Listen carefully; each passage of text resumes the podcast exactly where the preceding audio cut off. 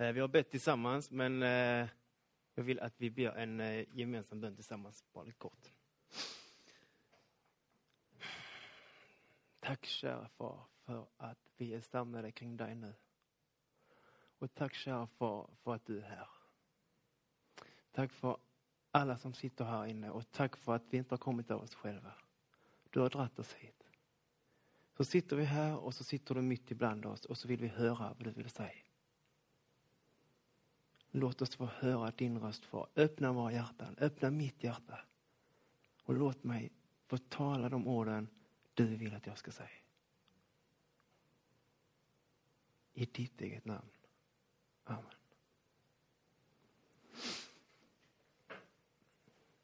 Mm. um. Jag har valt en text, jag har inte valt, jag har fått en text, fantastiskt. Eh, från första Petrusbrev 1 och 18 är det. Så det får ni gärna slå upp. Eh, jag läser ur eh, en annan översättning, kanske en, där kanske någon som hade den. Eh, Bo Giertz är det, den är ganska lik i detta stället, men eh, där är något ställe som skiljer lite. Men det är bra, för då, det förstärker lite det jag ska säga idag.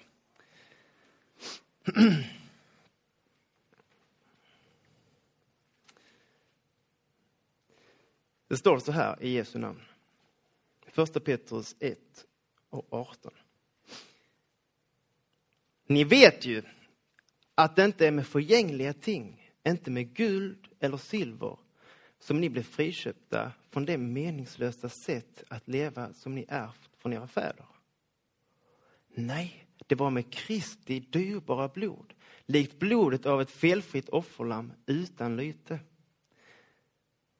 Så var det bestämt om honom innan världens grund blev lagd. Men uppenbarad blir han först nu i de yttersta tiderna för er skull. Tack vare honom tror ni nu på Gud som uppväckt honom från de döda och upptagit honom i härligheten. Därför är er tro också ett hopp till Gud.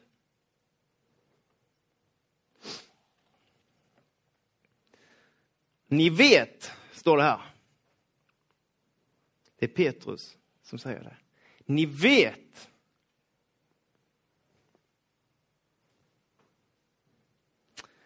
Um, vad vet vi? Hur vet vi? Och vad vet vi? Ni vet. Jag ska börja med att uh, berätta lite, lite en grej från mig själv. Inte alls för att upphöja mig själv på något vis, utan för att det handlar mycket om vad jag inte visste och vad jag vet. Um, så det anknyter väldigt bra till det här tycker jag. Jag är uppväxt i en kristen familj med sex syskon, kristna. Föräldrar som varit med en till predikan. Söndags, nej, söndagsskola började med. Där lärde jag mig söndagsskolesvaret. Jesus. kunde man alltid säga. Det var så gött, man kunde bara säga Jesus och svara. Vad duktig du är Andreas, säger de så. Så. Eh, så det lärde jag mig där. Kom till ungdomsgruppen, nej, kom till hobbyn innan dess. Hobbyn hade vi andakt av, hade de äldre för oss. Kom till ungdomsgruppen, började bli lite engagerad, kom till predikningar. Inte alltid för att jag ville det, absolut inte, men jag kom dit varje söndag för mina föräldrar ville väldigt gärna att jag skulle komma med. Och det, jag tyckte inte det var så roligt att gå emot det, jag ville inte ta det liksom. Så. Jag följde med. För att eh, det var så visste mycket väl vem Jesus var. Och var det något jag visste så var det att han hade dött för mig. Så var det att mina synder var förlåtna, att jag har fri tillgång till himlen, att jag själv inte har någonting här inne, men Jesus har gjort allt för mig. Var det något jag visste så var det detta. Var det något jag visste så var det ju Jesus. Det var ju det jag lärde mig. Det var det jag kunde. Ni vet säger Petrus. Sen eh, för några år sedan så, eh, gick jag bibelskola. Och så fick jag öppnade ögon. Så fick jag öppnade ögon för det som jag hela tiden vetat, men aldrig sett. Så fick jag öppnade ögon för Jesus. För vad han har gjort för mig. Som jag har vetat. Jesus som jag har suttit och svarat på så många gånger. Det är Jesus, det är Jesus, det är Jesus. Och så såg jag det. Det är Jesus. På mig. Och det hade jag inte gjort innan. Tack och lov så fick jag reda på det då. Och Gud ska ha allt tack för det. Har engagerat mig jättemycket grejer. Stått upp på jättemånga lovsångskvällar och lovsångsmässor och hit och dit. Och, och äh, inte riktigt vetat vad jag har gjort, faktiskt. Försökt få fram det där levande som jag ser att alla andra har, men inte jag.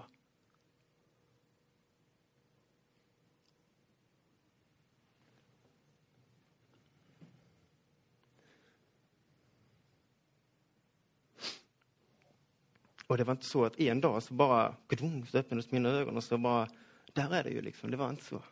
Det var under en lång, lång, lång tid. Och under en lång, lång tid så, så, eh, så blev jag sämre och sämre. Inte, inte fysiskt och så. Men, men eh, jag kom bara längre och längre ner i, i det som kallas syndanöd. Har ni kanske hört någon gång? Alltså en nöd, en ånger, en förtvivlan över det som finns här inne i mig. På grund av det, hela tiden längre och längre ner. Och så sa jag så här till Gud att eh, Ja, men, men, jag kan nog lösa det, alltså Gud. Eller så här. Det var hela tiden jag kan nog lösa det på något vis. Alltså, alltså jag vet nog att, att du har dött så, men alltså, jag, jag är inte så dålig. Och så sa jag det och Gud var, Andreas. Ja, men jag kan nog, jag kan nog. Vänta lite här. Och så försökte jag jobba lite, så slet jag på lite till. Och Gud, han bara satt där. Ehm. Och till sist, och till sist var jag nere på knäna. På de knäna där Gud han ville jag skulle vara. Och så sa jag, Jesus, här är jag. Ta mig och bär mig precis som jag är. För jag kan inte. Och det var det Gud han ville höra av mig. Jag kan inte längre. Det håller inte. Och helt plötsligt börjar de här jobbiga känslorna. Men detta jag har gjort då. Och detta jag har gjort då. Och med tanke på det. Så frågar jag Gud, har du dött för det också? Mm. Ja men det Gud, har du dött för det? Men kan du verkligen förlåta mig för det som hände då? För det var helt sanslöst. Det var så fruktansvärt. Mm. Så där var jag. Men Gud som bara ville förlåta mig. Som bara ville ta upp mig i sina armar och ha mig där. Bara ville ha mig liggande där. Inte massa göra, inte massa slita, inte massa bortförklaringar. Bara liggande där och så bär mig. Jag säger Petrus här, att ni vet. Vad vet vi? Vet vi eller vet vi? Vet vi här? Eller vet vi här? Har du funderat över det? Vet du det här eller vet du det här?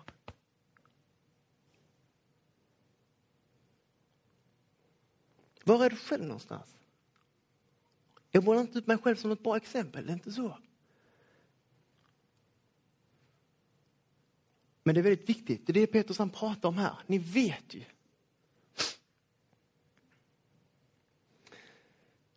Jobbar du på bli bättre-vägen?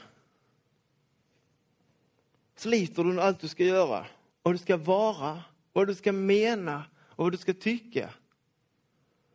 Hur man ska vara som kristen. Man ska vara sån och sån och sån och sån och sån. För så ser alla ut. Och man ska mena så och så och så och så och ha de åsikterna där och där.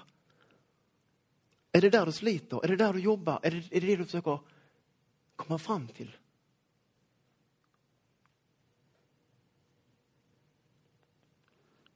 Vill du bli en exemplarisk kristen i andras ögon?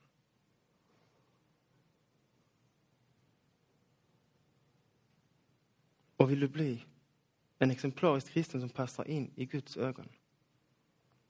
Hur har du det?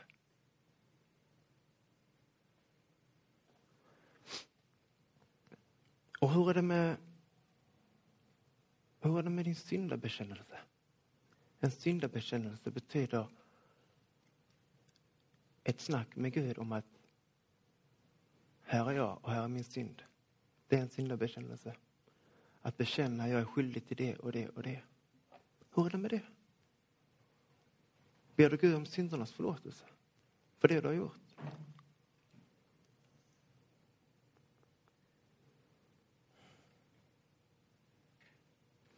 Jobbar du på Jesus har gjort sitt, nu ska jag göra mitt vägen. Jag vet inte om du har hört uttrycket innan. Um det finns en berättelse om en, eh, en dam, en äldre dam som satt på ett ålderdomshem, Köpenhamn tror jag det var. Och eh, där satt hon och var mentalt förstörd. Hon satt så här. Jesus har gjort sitt, nu ska jag göra mitt. Jesus har gjort sitt, nu ska jag göra mitt. Då satt hon så. Dag ut och dag in. Och var mentalt förstörd alltså. Det hade en grund, såklart. Men det hade gått helt över alltihopa. Det var det enda hon satt och sa. Och så var det en predikant som hörde om detta. Och så sa, de, eh, sa han så här, men jag får åka över och så får jag försöka prata med henne. På något vis. Hon sa det att nej, det är helt omöjligt. Alltså hon, eh, det är jättemånga som har pratat med henne och det, det, hon lyssnar inte.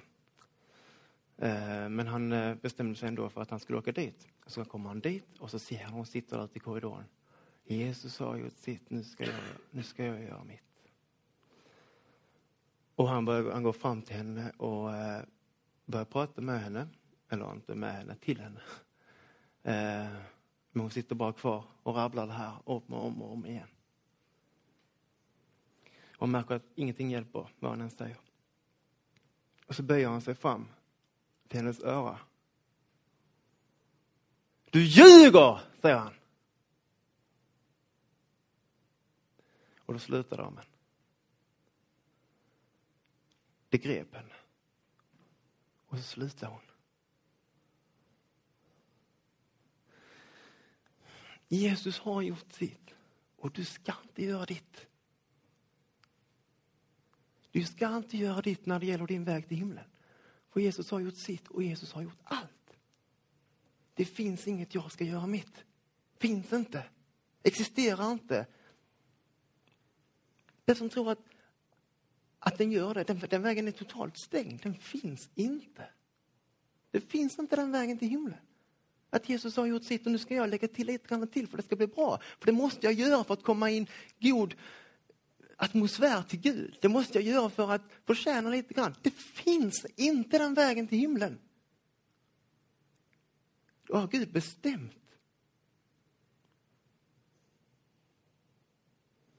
Och den kommer aldrig att finnas heller. Aldrig någonsin.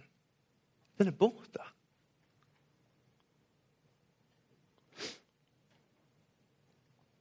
Vad vet vi?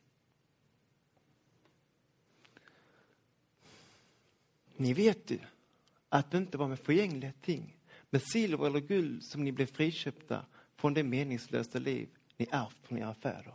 Står det i folkbibeln. I min bibel står det, för det meningslösa sätt att leva som ni ärvt från era fäder. Eh.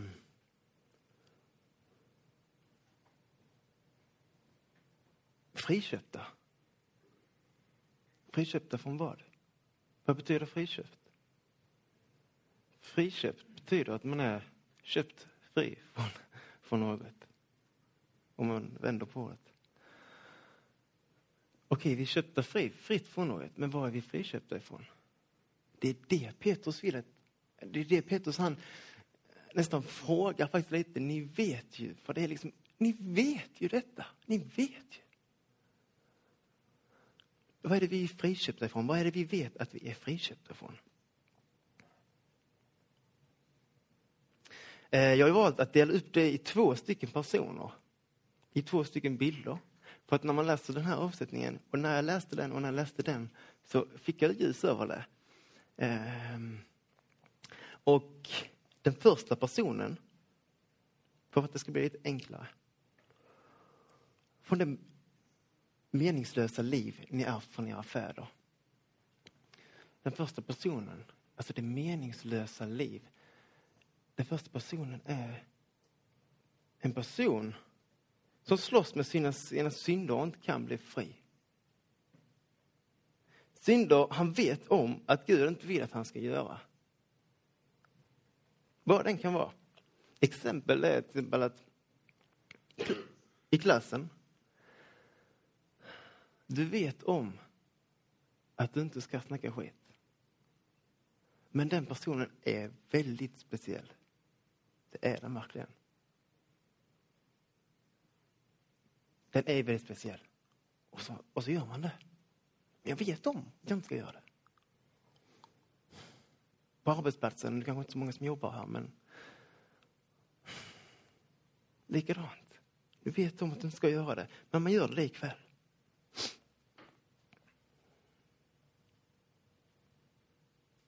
Inför helgen, alla snackar om festen. Den här feta festen som kommer att vara i helgen. Du vet om att du inte ska delta som de andra tänker göra i alla fall. Det vet du om. Men lite grann, lite grann. Kunde varit bra.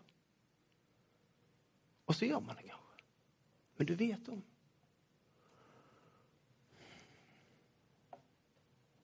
Sex.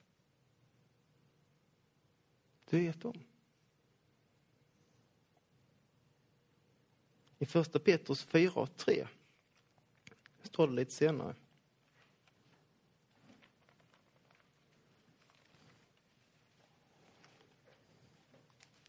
Ni har haft tillfälle nog under den tid som gått att göra det som hedningarna har lust till. Under ett liv i utsvävningar och lustar, i fylleri och festande, i dryckenskap och allsköns förkastlig avgudadyrkan.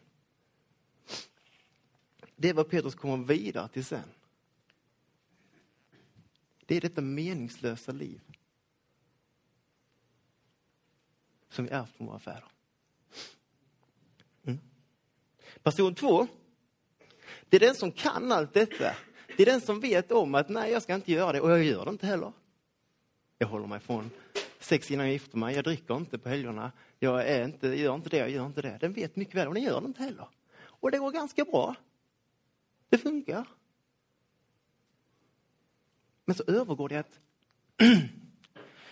nu gör jag inte det och jag gör inte det och jag gör inte det och jag gör inte det. Och så är det bra här.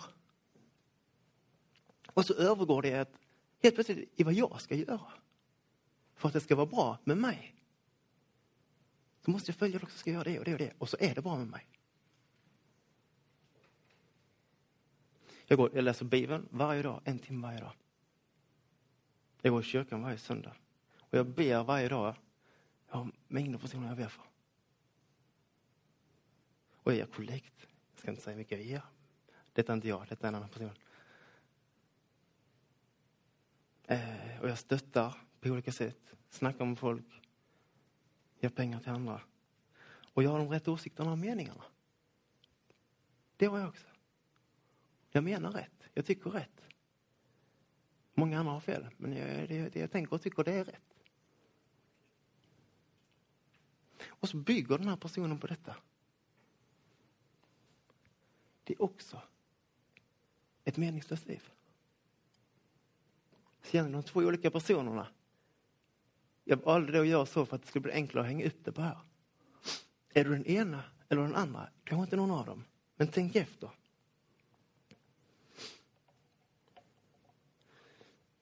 Till exempel så kan man ta Paulus som eh, säger själv, och ni, jag tror många här, här i alla fall har en liten förnimmelse om hur, uh, hur uh, noga Paulus var på att leva som Gud han ville att han skulle göra. Och han säger själv att är det någon som har följt lagen så är det jag. Jag kan inte vad det står, men det säger han själv.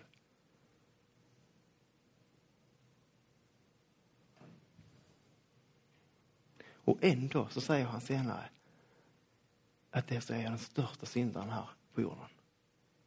Är det någon som har följt lagen och gjort som Gud vill så är det jag. Men är det någon som är stor syndare så är det jag. Det är exempel för person ett. Exempel på person två. Nej, detta var exempel på person två. Förlåt, person ett. Det är exempel Barabbas som hängde på korset bara några meter från Jesus. En mördare som haft ihjäl folk. Du ska inte dräpa. Det hade han gjort. Väldigt påtagligt. Och säkert massa annat skit också. Där hänger han bredvid Jesus. Full av synd och alldeles svart. Och han tågar rakt in i himlen. På grund av Jesus. Det är person ett.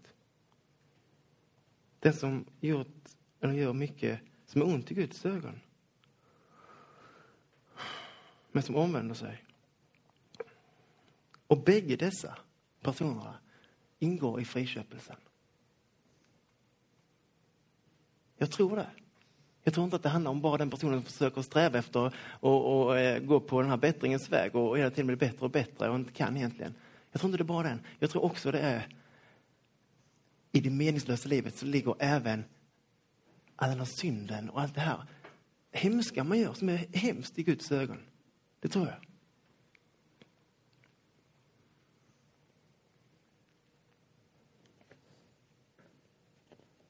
Och därför, för min egen skull i alla fall, så hänger eller för min egen del, så ingår det hela mitt liv i detta.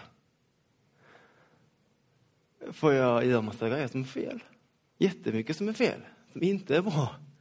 Ja, det är jättebra i mina ögon, men det är inte bra i Guds ögon. Och jag försöker göra dem bättre. Så både person ett och två är jag, i alla fall.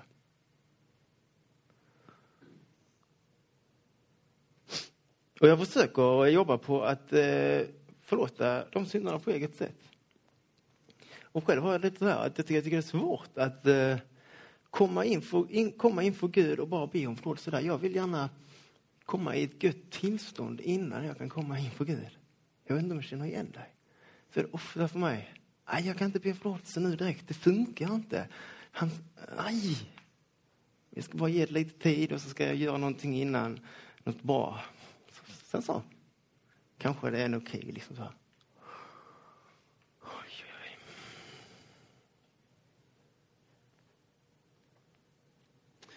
Och så går det så hela tiden och så faller jag. Och så går det bara runt, runt, runt, runt, runt hela tiden. Och varför gör det det? Varför gör det det? Jo, för jag går hela tiden så här, så tittar jag bara ner på mig själv. Tittar bara så här. Det är inte konstigt att det går runt, runt, runt. Jag söker förlåtelse i mig själv. Jag, jag söker goda gärningar i mig själv. Så går jag bara så och tittar på mig och förlåt dig Andreas, förlåt dig Andreas, bli bättre. Istället för att rikta det uppåt. Och se på Jesus. Och det är det som kommer här. Med Kristi dyrbara blod. Varför ser jag inte blodet? Varför ser jag på mig själv? Varför ser jag inte blodet? Det är på det viset jag är friköpt från det meningslösa liv jag lever.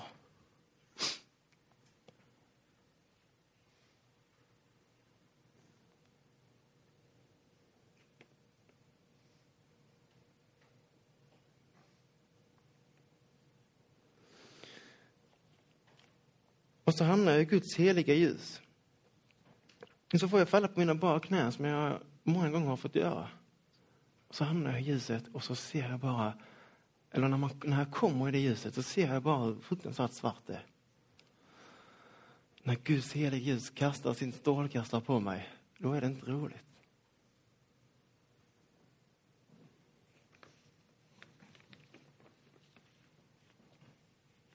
Och så skäms jag. Men Gud, detta och detta och det och det. Och så skäms jag.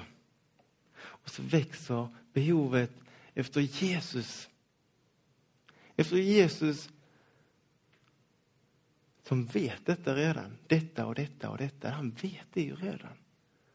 Som har burit detta. Hur, hur, vet, hur vet Jesus detta?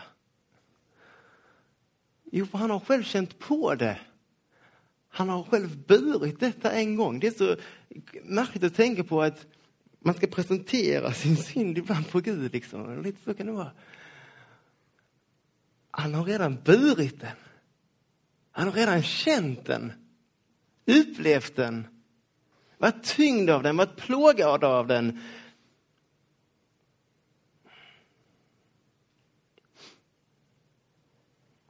Och så blir Jesus stor. Så är det Jesus, ta mig som jag är. Ta mig som jag är och bär mig. Jag behöver dig och jag behöver bara dig. Som jag sjöng i sången innan och äntligen så ser jag vad det betyder. Bara Jesus. Bara Jesu kors. Bara Jesu blod. Bara Jesus.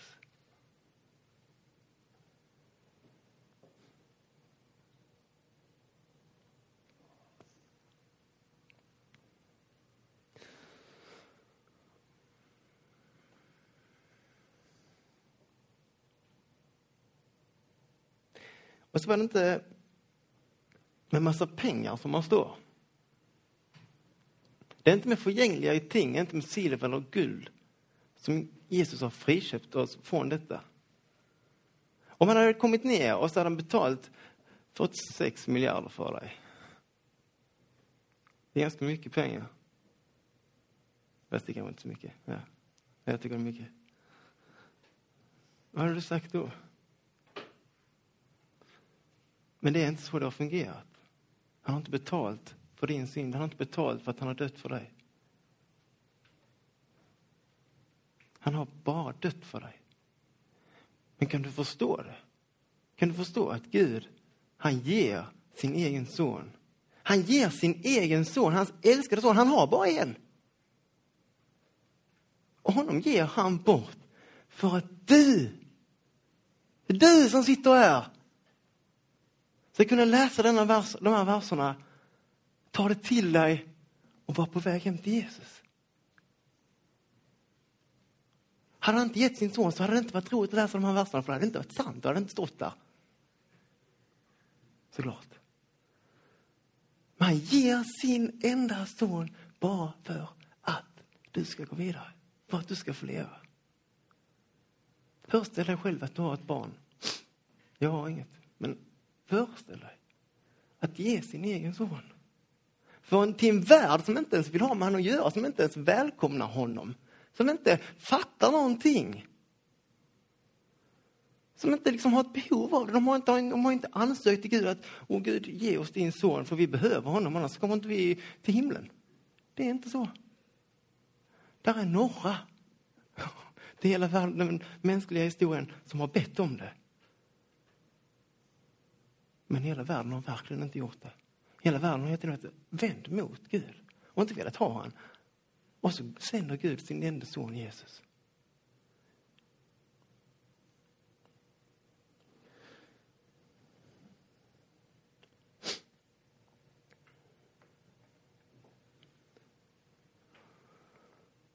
Och så var, eh, lever han det liv som du inte själv kan, som du inte själv kan leva. Det liv som han sett att du kommer att leva. Men som han redan vet att det kommer du inte fixa. Det livet han vill att du ska leva. Är ni med? Så lever Jesus det livet bara för dig. Bara för dig. Bara för mig. Och så går han hela vägen. Han lever sina 30 år, eller vad det nu är. Alldeles, alldeles syndfritt. Bara för dig. Han står emot all synd bara för dig. Har du förstått detta? Har du sett det? Det är inget skämt. Det är ingen historia detta bara.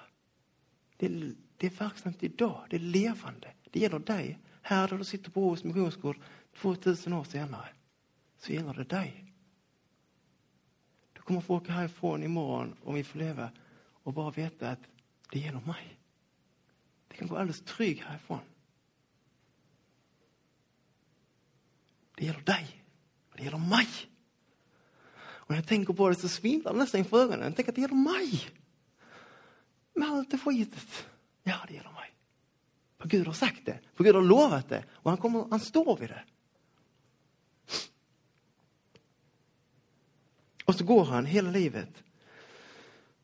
Synda inte. Och så plågas han av alla människor runt omkring honom. Bara för dig. Bara för dig. Och de spottar på honom. Och de skriker massa dumma saker som du säkert inte har hört bara, så ont det var. Och hånar honom. Slår honom. Bara för dig. Bara för att han älskar dig. Och så döms han bara för dig. Och så drar han sitt eget kors ut till Golgata bara för dig. Och så låter han sig spikas fast, inte ett ljud. Bara för dig. Och så hänger han där och dör. Övergiven av allting. Övergiven av, övergiven av människor, övergiven av Gud. Bara för dig. För att han älskar dig. För att han älskar dig så oerhört mycket. Ser du det? Ett syndfritt liv hela vägen upp på korset. Död, begraven och till sist uppstånden. Hela vägen. Bara för dig. För att han älskar dig. För att det är det största han kan ge dig. För att han vill ha dig hem till sig. Och han vet att du fixar det inte annars. Du kan inte leva ett syndfritt liv. Men han gör det för dig. Det var några... Det här med Guds kärlek. Det är svårt att förstå. Varför gör han det bara för mig? Det var några eh, jätteduktiga gubbar. Sådana djupingar.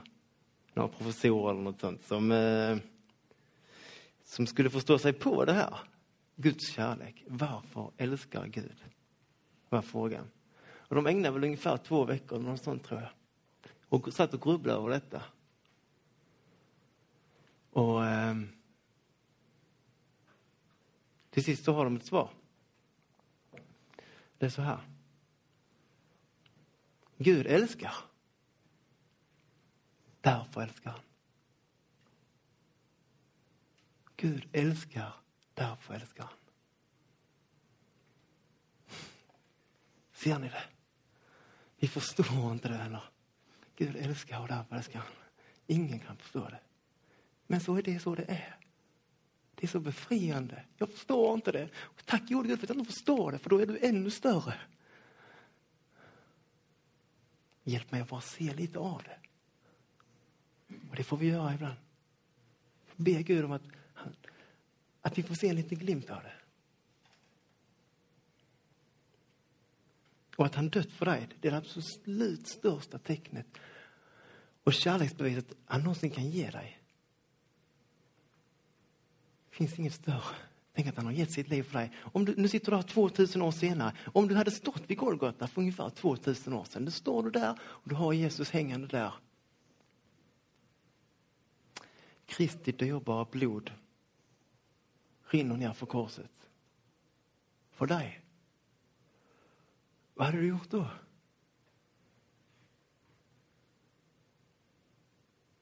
Nu är vi 2000 år senare. Ja, ganska länge, men inte så fruktansvärt länge. Det gäller idag, vänner. Det gäller nu. Det gäller dig. Och Gud han vill inget hellre än att du ska se detta. Du ska se att du är frälst, att du är fri, att du är på väg hem till honom. Kommer Gud imorgon, du är i himlen. Hänger du med? Nej, inte jag heller. Men det är så det är. För han säger det själv i sitt ord. Vi är friköpta genom Kristi dyrbara blod. Det gäller inte mig här inne. Det gäller vad Jesus har gjort för mig. Det gäller att han har rent, levt ett rent liv istället för mig. Gud ser honom, Gud ser inte mig. Och så får jag bara säga tack Jesus, tack för att du har dött för mig. Tack för att du har gjort allt det jag inte kan göra. Så säger jag Jesus, varsågod. Det var så lite så, det vet jag inte vad man säger. Um. Och det, detta, är, detta är inte något desperat, för, desperat verkan av Gud eller så att ja, vi måste nog göra så ändå. Jesus, du måste nog minsann ta, ta och gå ner och ordna upp detta för men, människorna kan inte själv eh, fixa detta. Jag kommer inte få en enda person i min himmel om det ska gå till så här. Här gör jag massa rum för allihopa. Men det kommer inte fungera. Och detta är inget desperat försök att Jesus, du får minsann ta gå ner och fixa detta. Som det står här i vers 20. Han var utsedd redan före världens skapelse. Men har i dessa sista tider uppenbarats för er skull. Detta har Gud och Jesus bestämt långt innan världen blev till. Det är inget, det är inget nytt för dem när Jesus han kommer hit till jorden. De har delat där. Gud har frågat Jesus att det kommer att behövas att du går ner och dör för mänskligheten som jag tänker skapa. Och Jesus han har sagt ja. För att han älskar. Redan innan vi blir till så älskar han och han känner dig långt innan. Han vet om att han kommer dö för dig.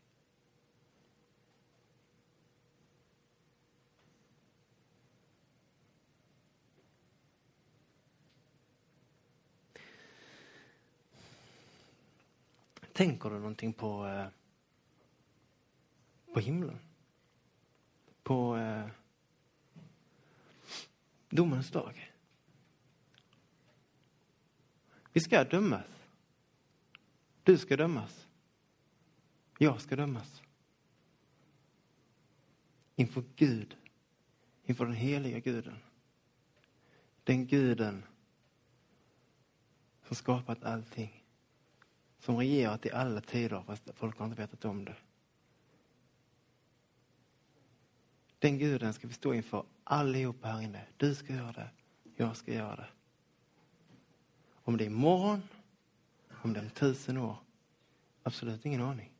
Men vi ska göra det, det vet vi. Tänker du på det ibland?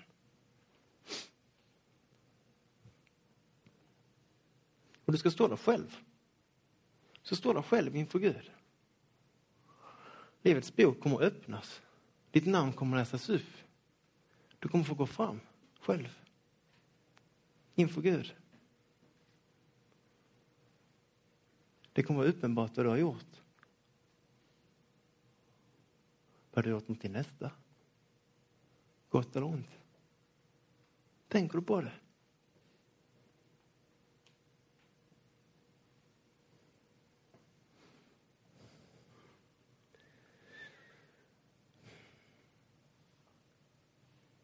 Vad ska du säga när du står inför honom?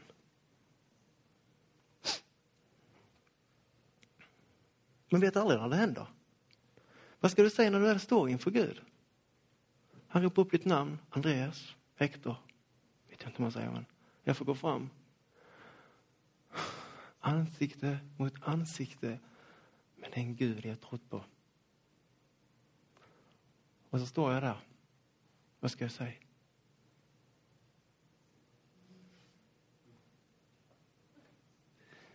Det finns ett ord du ska kunna nu. Jesus. Söndagsskolesvaret. Det bär han in i himlen. Fantastiskt. Men det är faktiskt så. Det är bara Jesus.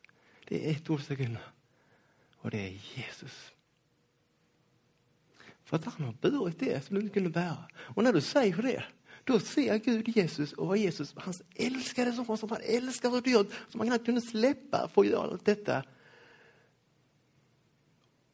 Men han ser honom som han älskar och han ser vad han har gjort.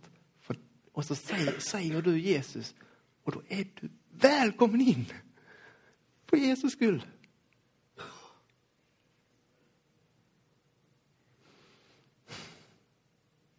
Redan innan världen redan innan världen blev skapt så var, så var det bestämt att du skulle stå där inför Guds ansikte i Jesu härlighet. Det har aldrig någonsin varit bestämt att du ska stå där i din egen kraft, i din egen härlighet på någon, på något sätt. Det har aldrig varit bestämt så. Det står ju här också. Han var utsedd redan för, före världens skapelse till att göra detta. För dig. Det har aldrig varit bestämt att du ska stå där i egen kraft. Att du ska leva här i egen kraft. Vi vill tro det så lätt, ja. Och jag tänker också, åh, hur ska det gå? För jag tror jag ska stå där i min kraft. Men det har aldrig varit så, det har aldrig varit tänkt så från Guds sida.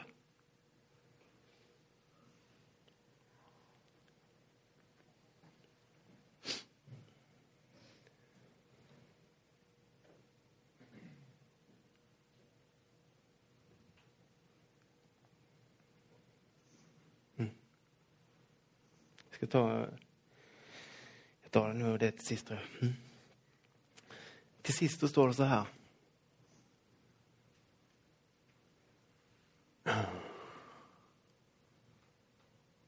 Så att er tro och ert hopp står till Gud. Han var utsedd redan före världens skapelse men har i dessa sista tider uppenbarats för er skull. Ni som genom honom tror på Gud som uppväckte honom från de döda och gav honom härlighet så att er tro och ert hopp står till Gud. Petrus han vill säga också att det är inte bara tron som står till Gud, det är också ert hopp. Kristen, att vara kristen, kristendom, det är inte bara en religion.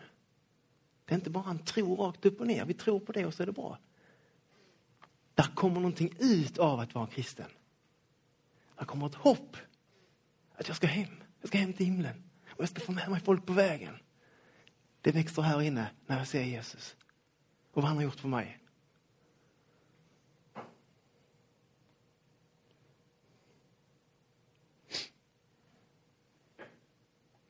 Vad betyder det att vara kristen? Vad, vad, vad, är det, vad är det egentligen att vara kristen? Hur kan man säga det i några få korta ord? Vad betyder det att vara kristen? Finns det ett väldigt bra svar på det? Men det betyder inte att göra sån och sån och sån och sån och sån och sån och säga kristen. Det betyder inte att tänka så och så och så och så och så och ha de rätta meningarna här och där och säga kristen. Det betyder inte att klä sig så och så och så och säga kristen.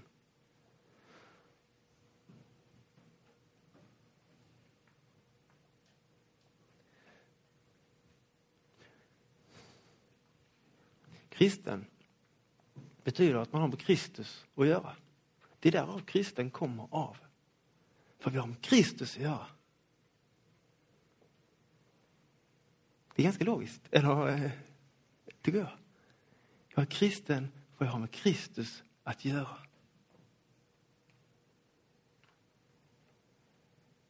Inget annat. Att jag får komma till honom, att jag går till honom när allt är som mest dåligt. Det är att vara kristen. Att få komma till Jesus.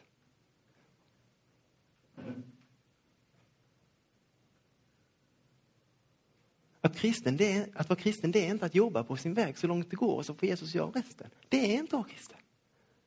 Att vara kristen det är att komma som jag är. Jesus, här är jag. Ta mig, bär mig, fräls mig. Hem till dig. I denna fula tröja och blåa jeans. Som jag är. Det är att vara kristen. Det är inte i första hand att jag ska göra det och det och det och det. Det är att säga, ta mig som jag är, skapa i mig ett hjärta som vill tjäna dig. Och så kommer det. Och så blir jag glad över Jesus, vad han har gjort för mig. Och så vill jag inget annat än att tjäna han. Varför är jag ungdomsledare idag? Jag vill tjäna Jesus. För han har gjort så enormt mycket för mig. Eh, eh, tack till Jesus. Tack Jesus för vad du har gjort. Låt mig få gå ut och berätta för fler människor om detta. Låt kanske jätteform, det är inte det. Det är bara lilla jag och det är stora Jesus. Jag får gå och göra små, små, små grejer som Jesus har förberett för mig. Som ett tack.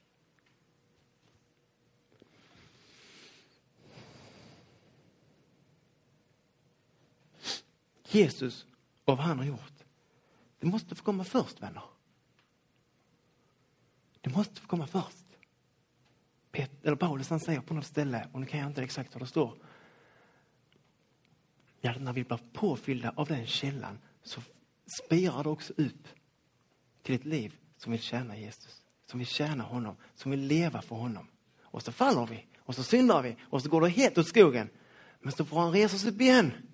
Och så faller vi, och så får Jesus resa upp igen. För han har gått för oss. Han har gjort allting för oss. Så får vi gå i hans kraft. Jesus, se inte på mig. Se på dig själv. Där har jag min tröst, där har jag min styrka.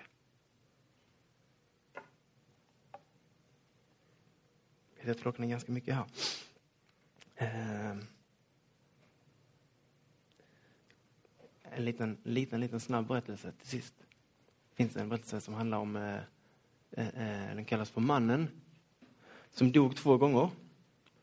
Och eh, om man går till hans eh, kyrkogård, eller hans kyrkogård, men där han ligger, så eh, är det två stycken datum inristade, inristade på, på gravstenen. Och det var så här, detta är sedan eh, en tid tillbaka, 1800-talet tror jag. Eh, han, låg, han, eh, han, han, har dött, en, en man. Och eh, han dog hemma i huset. Och så kommer det en läkare och skriver ett eh, dödstestamente för honom. Eller för honom, på honom. Att han är död, liksom hjärtat är utandat och alltihopa. Eh, och så eh, läkaren går därifrån och tackar för sig. Eh, och helt plötsligt så, så börjar mannen sjunga. När läkaren har gått. Och han sjunger den här sången. Nu är min träddom slut. Jesus är min. Nu får jag vila ut. Jesus är min. Och han sjunger den hela sången och så sjunger han igen.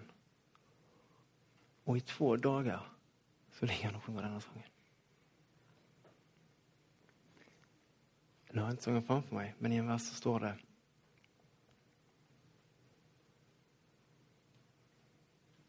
Välkommen domedag. Jesus är min. Så, så trygg var han. Välkommen domedag. Döm mig som jag är, för Jesus är min. Vilket fantastiskt vittnesbörd det har blivit för den byn där. Och två dagar senare så eh, kunde de skriva ett andra datum för honom. Om den här mannen eh, var död eller vad han var, det, det kan inte jag säga. Får man tro vad man vill, men, men eh, vilket vittnesbörd. Välkommen domedag. Han går hem till himlen och sjunger denna sången. För Jesus min. I han har jag allt. Nu ska vi sjunga en sång. Jag ska, vi ska be oss innan. Vi ska sjunga en sång och du får gärna plocka fram den sången eh, redan nu. Om det går. Är det möjligt? Mm. Just det.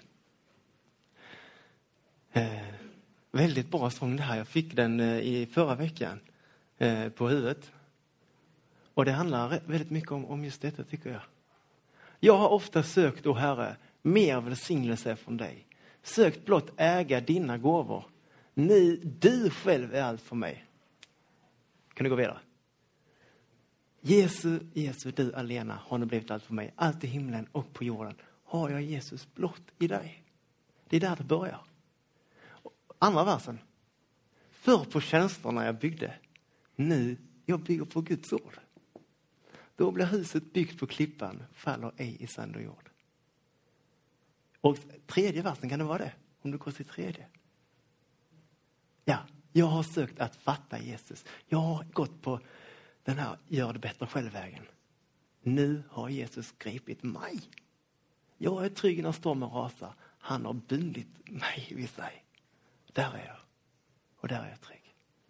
Vi ska be. Tack kära far i himlen för att det är så. Tack för att det inte är en stor lögn det här vi har sagt. Det här står i ditt ord. Du har lovat det själv här och du står vid det du säger. Tack för att du har bundit oss vid dig. Hjälp oss att se det. Öppna våra ögon så vi ser mer och mer Jesus av vad du har gjort för oss. Så vi har våra ögon på dig. Och skapar du den glädjen och frukten i våra liv så vi vill tjäna dig. Gå dina vägar. Göra de gärningar du vill att vi ska göra. I glädje för dig Jesus. Tack för att du har dött för oss. Tack för att ingen kan ändra det. Tack för att du har dött för mig. Bevara oss på din väg. I Jesu namn. Amen. Nu ska vi sjunga den här sången, tänkte jag.